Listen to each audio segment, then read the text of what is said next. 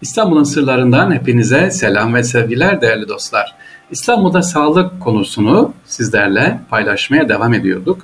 Özellikle geçen e, anlattığım Molla Zeyrek Camii'nin önemini, İstanbul Laleli'de bulunan Bodrum Camii'nin önemini, Tarabya'nın, Gülhane'nin e, ecza depomuz olduğundan bahsetmiştim. Bugün de sizlere özellikle İstanbul'daki en korkulu olan hastalıklardan, salgın hastalıklardan veba ve cüzzam seviniciler. İstanbul'da çok yaygındı. İstanbul'un ilk büyük veba epidemisi yani salgını Roma İmparatoru 1. Justinianus zamanında başlamış. Justinian vebası adıyla anılır. Özellikle 541'de İskenderiye'de başlayan salgın Nisan 542'de İstanbul'a gelir. Uzun yıllar devam etmiş. Bu kıtalar arası salgın Afrika'nın merkezinden Akdeniz Havzası'na ve Anadolu'ya yayılıp Arabistan'dan Avrupa'ya kadar çığ gibi büyüyerek Danimarka ve İrlanda'ya kadar uzanmış.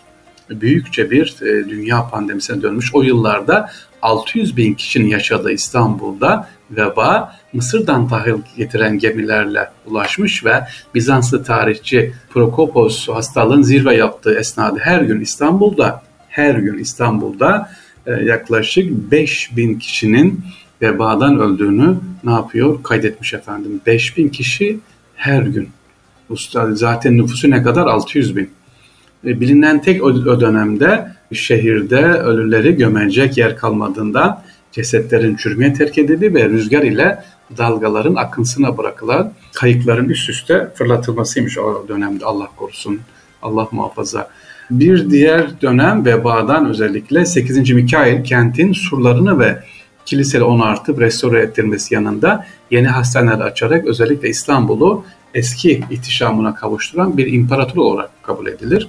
Eşi Theodora da 1284 yılına doğru bugünkü dediğim gibi bahsetmiştim Molla Zeyrek Camii'nin e, olduğu yer hastane orayı genişletiyor. Büyük bir hastane eklediyor ve 15 yataklı bir hastane yapıyor. E, İstanbul fethinden sonra burası yine Aksaray'daki Vatan Caddesi'ndeki Molla Feneri Ali Efendi tarafından burası camiye çevrilmiş. Molla Fenari de o dönemde hastaneymiş sevgiliciler. Büyük bir hastane. Vatan Caddesi'nden giderken sağ tarafta. İstanbul'da hastanelerin en ünlüsü dediğim gibi Molla Zeyrek sevgiliciler ve Molla Fenari Vatan Caddesi'ndeki. Öte taraftan İmparatorluğun Sultanahmet tarafına da Ayasofya'nın karşısında Aya İrini Kilisesi'nin hemen kuzeyinde olduğu tahmin edilen bir hastane var. Hem hastane hem de konaklama yeri olarak kullanılıyor.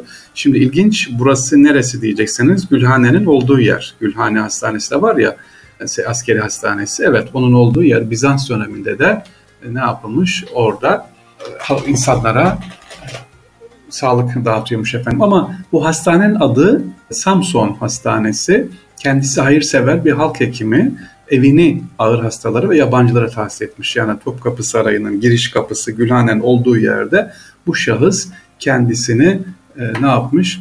Hayırsever ekibi hastalara adamış kendisi. İstanbul'da belediye hekimlerinin kurulması 21 Temmuz 1871'de yürürlüğe giren İdare-i Ummiye Tıbbiye nizamnamesiyle başlıyor. İşte ilk belediye hekimlerin görevleri arasında cami, mescit, tekke, medrese, okul, kilise, imare, hangi bir insanların toplu bulundukları yerlerin bakın ne yapıyorlarmış? Geziyorlar, hasta var mı yok mu kontrol ediyorlar. Hastanın ayağına gidiyorlar.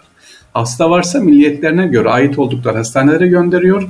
Satılan yiyecek içeceği muayene ederek sağlığa zarar olanları da ne yapıp denize döktürüyorlar veya imha ediyorlar. Lokanta, aşçı, işkembeci dükkanlarında bakır kaplar kontrol ediliyor. Kalaylı mı değil mi diye. Yine dezenfekte çok önemli. Özellikle dezenfekte ilaçları ne yapılıyor? Tuvalet, mezba gibi yerlerde belediye tarafından ücretsiz veriliyor. Ee, Birinci Dünya Savaşı'nda İstanbul tabii ki e, sadece savaşla e, yani harple ilgilenmedi. Bulaşıcı hastalıklarla da savaştı. 4-5 hamam kiralayıp özellikle yoksulların burada yıkalım temizlenmesi sağlanıyor. E, o dönemin hayırseverleri bakın Birinci Dünya Savaşı sırasında İstanbul'da sağlığı nasıl ayakta tutuyorlar? E, o dönemin zenginleri birleşiyorlar, bir araya geliyorlar, hamam kiralıyorlar. E, insanların orada ücretsiz yıkanmasını sağlıyorlar. Ne güzel bir hizmet. Ee, yine İstanbul'da Şurayı Devlet çöp ve süprüntülerin arabalara nakledilmesi için gönüllü ekipler oluşturuyor ki İstanbul temiz olsun diye efendim.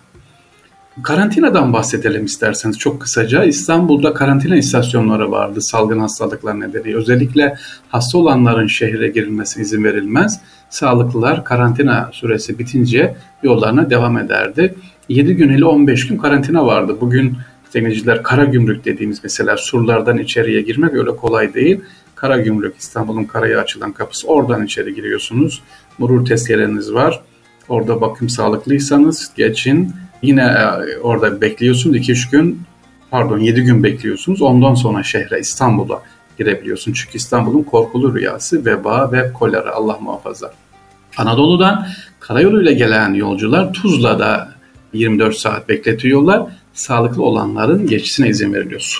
Tuzla İstanbul'un o dönemdeki gümrük merkezi Anadolu'dan gelenlerin gireceği yer burada da bekletiliyor. Özellikle sevinciler tütsü çok önemli dezenfekte yani çeşitli maddelerden oluşan Osmanlı döneminde karantinalarda her türlü evler, eşyalar, işte mescitler ne yapıyor? Tütsüyle dezenfekte ediliyor. Bu da çok önemli. İstanbul'un sırlarında İstanbul'da sağlık konusunu konuşuyoruz sevgiliciler. İnşallah yarın yine devam edeceğiz. Sağlık nasıl dikkat edeceğiz, ne yapmamız lazım ama e, Osmanlı döneminde bir şeye dikkat ediyoruz. Sağlık konusunda en ufak bir nasıl söyleyeyim tembellik, en ufak bir e, suistimal olduğu zaman bedeli çok ağır oluyor sevgiliciler. Özellikle vebada, kolerada ve diğer hastalıklarda. İstanbul'un e, hep anlatırlar işte nedir İstanbul'un korkulu rüyası deprem mi? Hayır.